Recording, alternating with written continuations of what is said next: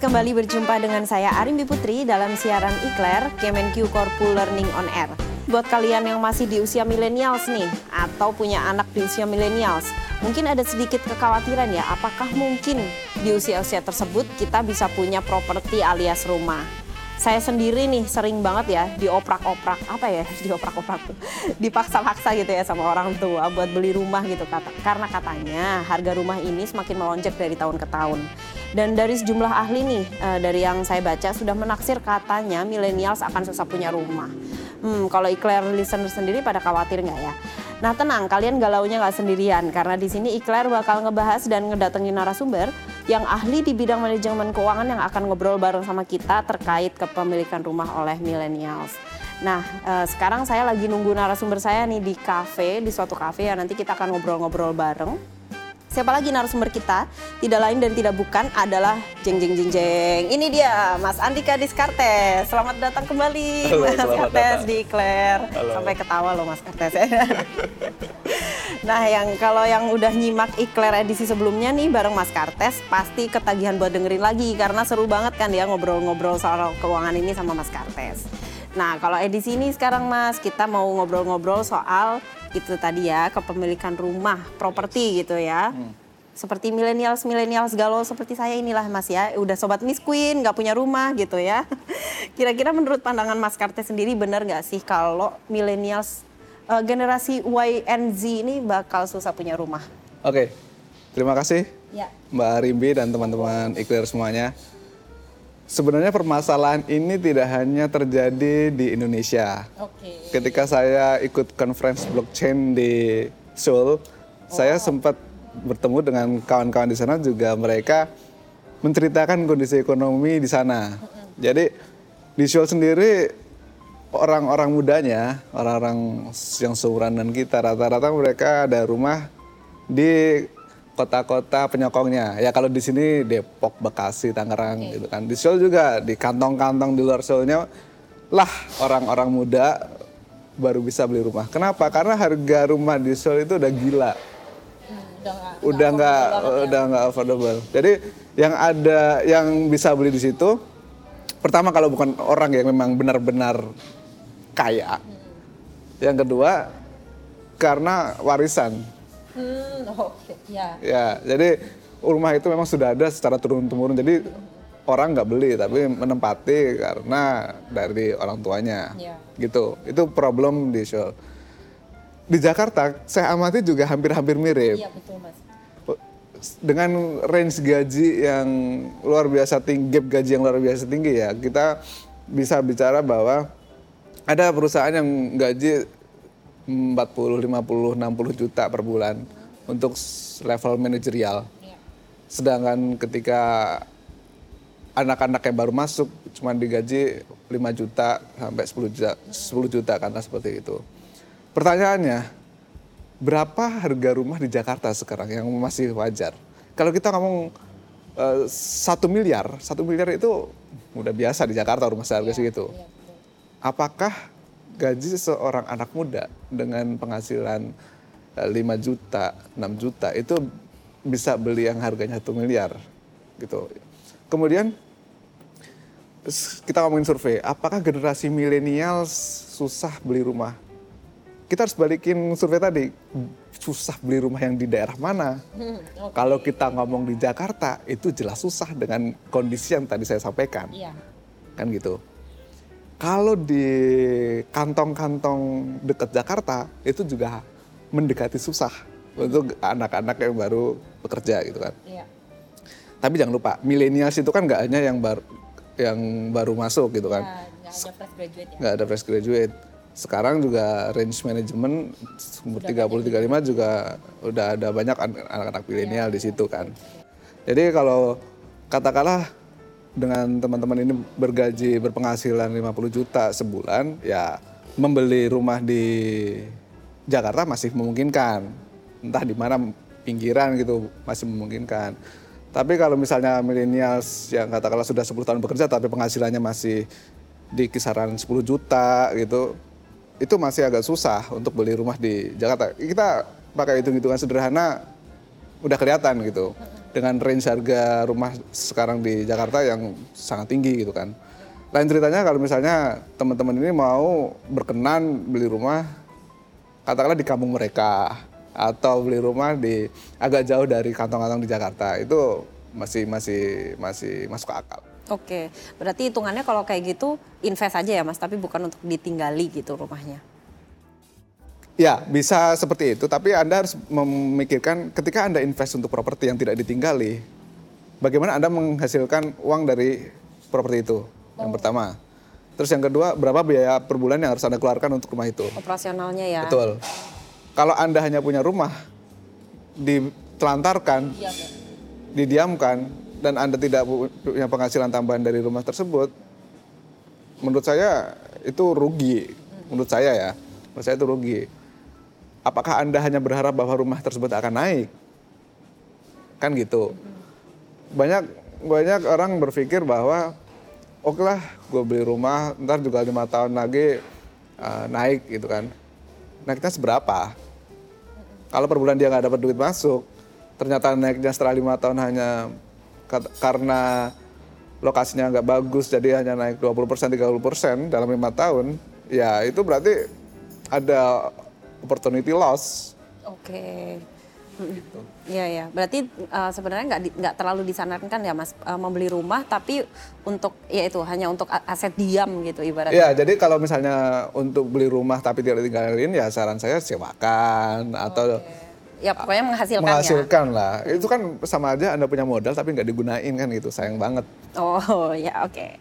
nah kalau misalnya dari segi nah, tadi kayak misalnya uh, penghasilannya 10 juta dari hitungan sederhana aja susah untuk dapat beli rumah misalnya di Jakarta atau di Jakarta coret lah ya gitu. Nah tapi kalau misalnya untuk KPR sendiri, Mas Kartes menyarankan tidak? Hmm, Oke, okay.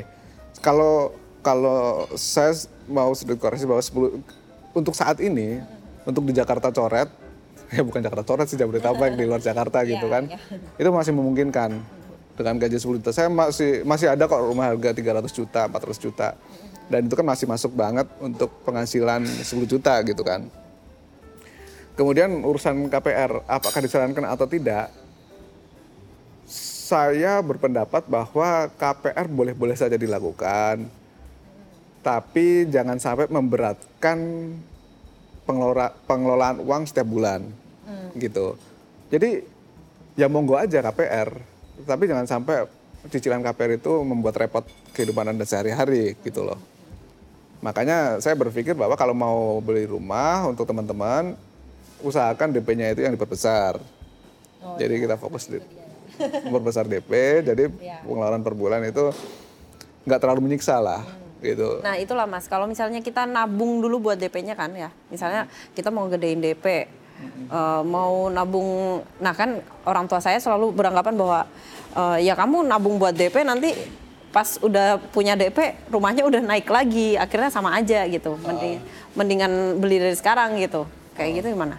Nah sa saya harus lihat dulu sebenarnya kalau kita ngomongin, memang mau beli rumah itu di di di mana gitu kan? Hmm setiap tempat itu punya mempunyai growth harga rumah yang beda-beda kan. Sangat berbeda pertumbuhan rumah di Jakarta sama pertumbuhan rumah di katakanlah di kota saya di Magelang. Itu kan beda growth-nya gitu kan. Nah, pendapat dari orang tua tadi bisa ada benarnya kalau misalnya beli rumahnya di Jakarta.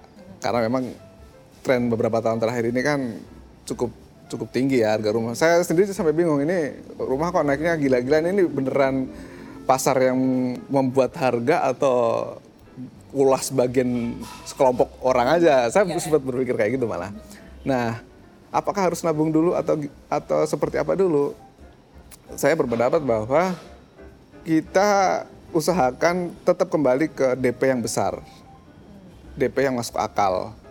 Makanya incarlah rumah yang masuk akal jangan beli rumah atau properti yang di luar kemampuan kita. Yeah. Gitu.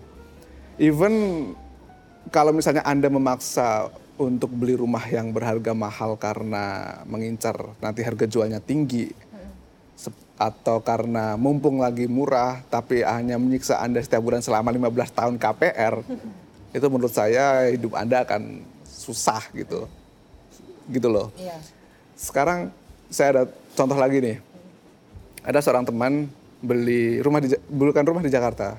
Dia beli apartemen di Jakarta. Harga apartemen itu 2 miliar okay. hanya untuk one bedroom di daerah ya. Menteng apartemen. Kemudian dia memang DP-nya kecil. Okay.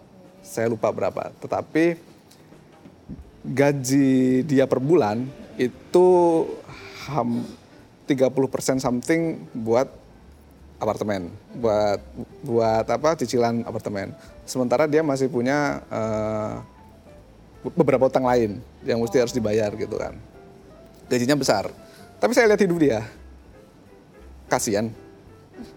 Itu artinya mau Anda KPR, mau Anda apa pun caranya, carilah rumah yang realistis yang tidak membebani kehidupan Anda. Gitu loh kita ngomongin ini nggak hanya ngomongin masalah duit, kita ngomongin cara kita hidup kan gitu, ya kan? Ya. Itu yang mesti kita ingat. Kalau misalnya memang belum mampu beli rumah ya jangan paksa, kan gitu. Nah, kalau misalnya nih, tadi kan penghasilannya sebenarnya besar, tapi pengeluarannya besar juga gitu.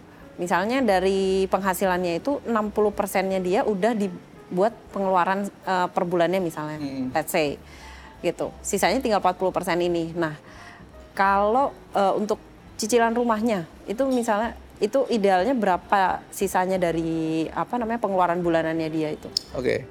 Kalau misalnya uangnya sisanya cuma 40 persen, hmm. ya kan, 60 persen udah habis buat pengeluaran sehari-hari, ya. ya kan, ya untunglah masih ada sisa. Hmm. Kalau misalnya untuk uh, apa, untuk cicilan rumah gitu, saran saya ya hanya 20% dari 40% tadi. Jadi paling nggak ada uang sisa yang masuk ke bank atau masuk ke instrumen lain lah. Jadi jangan sampai dompet Anda benar-benar kosong.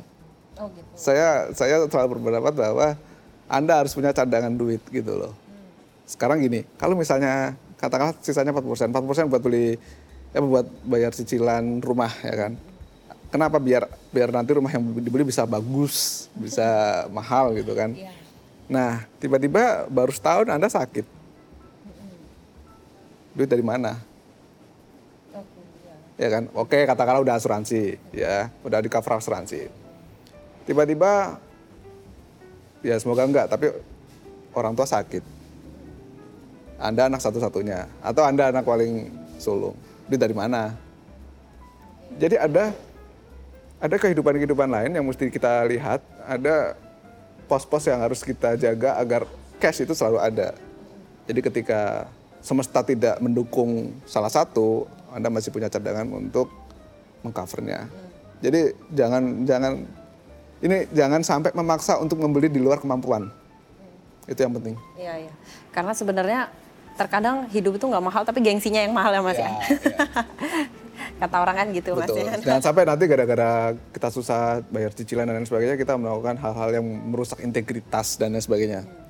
Itu kan pesan-pesan Kementerian Keuangan itu kan salah satunya integritas gitu. Balik lagi ke situ ya mas. Iya, nilai-nilai Kementerian Keuangan ya nah tadi uh, soal pos darurat nih mas ya. Hmm uh, kan sebenarnya memang kita wajib nih ya punya yeah. dana darurat gitu. Hmm. Misalnya dalam beberapa tahun belakangan kita sudah nabung dana darurat uh, sampai mencapai angka tertentu dan ternyata di waktu kita harus beli rumah, dana darurat itu dipakai untuk ngedp biar makin gede DP-nya dan biar cicilannya makin kecil. Nah, itu gimana? Boleh nggak sih sebenarnya dana darurat ini kita pakai gitu? Oke. Okay.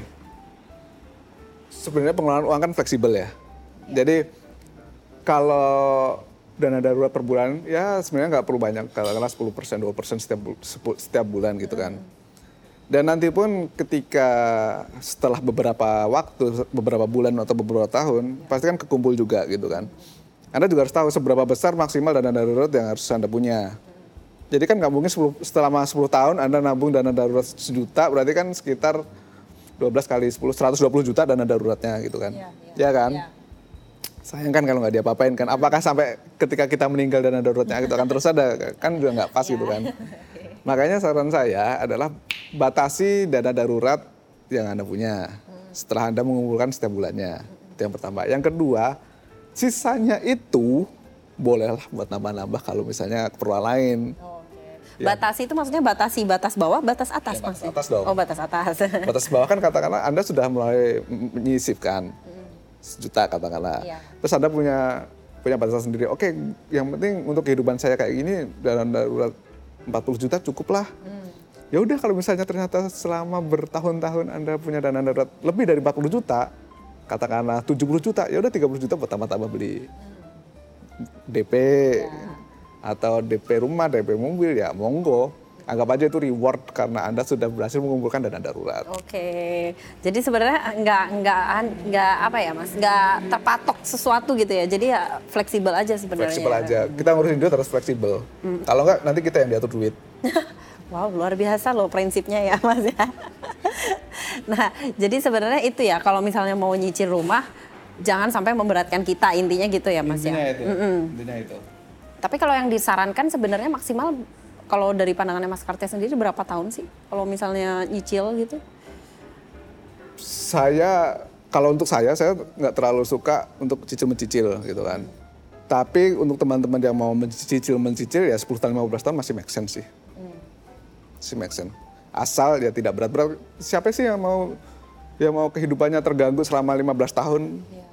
hanya gara-gara pencicilan rumah gitu kan setahu saya kita cuma hidup sekali, nggak tahu kalau bisa lebih gitu kan. Ya kita harus nikmati. Nggak kayak kucing ya punya sembilan ya mas. gitu. Oke oke. Karena sebenarnya kan uh, kalau ada beberapa financial planner itu yang menganggap bahwa kalau misalnya cicilan rumah itu menguntungkan pihak banknya gitu loh mas. Hmm. KPR itu menguntungkan pihak banknya. Jadi sebenarnya tidak ada beberapa yang tidak menyarankan oh. gitu. Ya kalau dari saya ini kan bisnis, hmm. ya kan bisnis yang seharusnya menguntungkan kedua belah pihak.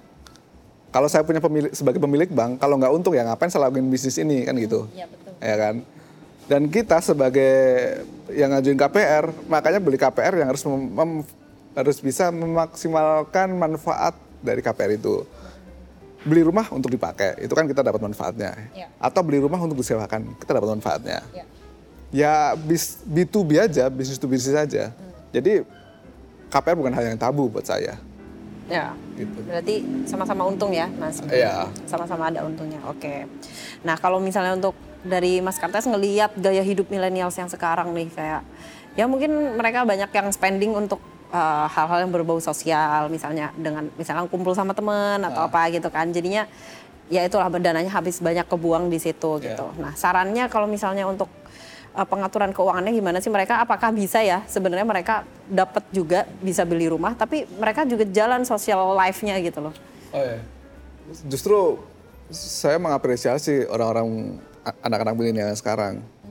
Karena secara langsung mereka langsung mendorong perekonomian di daerah kan gitu kan. Ya. Gimana, Mas? Saya beli saya nongkrong di kafe habis duit berapa ratus ribu katakanlah seperti itu duitnya kan masuk kafe, kafe buat bayar pajak. Pajak daerah. Ya, sederhana itu. Jadi kan ya, ya. ekonomi bergerak, ya itu bagus. Nah, tidak bagusnya adalah ketika yang buang duit di situ, ternyata ketika akhir bulan dia nggak punya sisa apa-apa. Tinggal tuh bahkan kartu kredit, nunggu bulan berikutnya untuk bayar kartu kredit. Nah, itu yang masalah. Nah, bagaimana caranya agar kita masih bisa punya pandangan untuk mencicil rumah, tapi social life juga masih jalan. Ya. Makanya untuk seperti di episode sebelumnya, instrumen investasi itu harus dialokasikan di awal. Ketika kita dapat penghasilan, kita udah tahu berapa uang yang akan diinvestasikan, okay. ya kan? Ketika sudah terkumpul, katakanlah sudah masuk reksadana per bulan, nggak usah banyak-banyak per bulan berapa juta gitu selama setahun, dua tahun, tiga tahun terkumpul berapa bisa digunakan untuk DP. Instrumen investasi itu dialihkan ke DP rumah. Oh, iya. Ya. Berarti harus di depan ya, jangan di belakang setelah betul. kita hedon hedon baru ya, invest gitu ya. Betul, betul sekali. Oke, berarti tipsnya itu ya Mas ya. Berarti investnya harus di awal baru hedon, bukan hedon dulu baru investasi ya. gitu ya. Soalnya kalau kita udah hedon kita lupa. Iya kan? Iya bener sih. Gak enak udah enak di udah seneng-seneng di awal nanggung kalau misalnya berhenti kan gitu. Iya. Soalnya kalau kita udah potong dulu nih budget buat investasi. Oke. Okay. Wow, sangat insightful sekali ya Ikler listener. Jadi pengen berumah tangga nih. Oh salah ya? Jadi pengen beli rumah maksudnya Mas. Iya, Ikler listeners juga pasti setuju ya kalau ilmu yang dibagikan Mas Kartes barusan sangat berfaedah ya Mas ya. Dan mungkin ini justru investasi yang paling berguna mungkin ya buat buat Ikler listeners ya. Jadi investasinya dalam bentuk ilmu ya kayak yang episode sebelumnya ya Mas, nggak hmm. berbentuk eh, nggak uh, selalu materi berbentuk aja. materi Betul. ya. Jadi bisa berbentuk juga seperti skill gitu ya Mas ya, self development. Jadi sering-sering aja dengerin Ikler. Jadi investasi juga ya Mas ya. Oke, pastinya Ikler bakal selalu ngasih informasi-informasi yang berkualitas buat listeners semua. So tetap nantikan dan dengerin episode-episode Ikler selanjutnya. Saya Arimbi Putri, tetap semangat belajar tanpa batas.